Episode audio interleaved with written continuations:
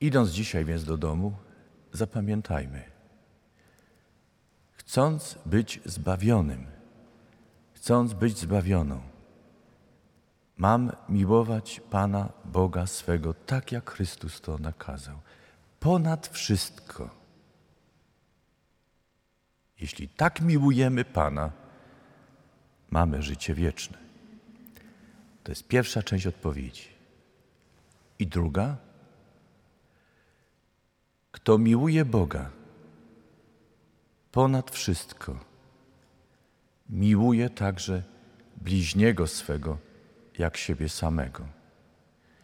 To mówi nam już Stary Testament, Jezus to potwierdza i to nauczanie znajdziemy w Nowym Testamencie. Kto mówi, że Boga miłuje, a ma w nienawiści swego brata, siostrę, jest kłamcą.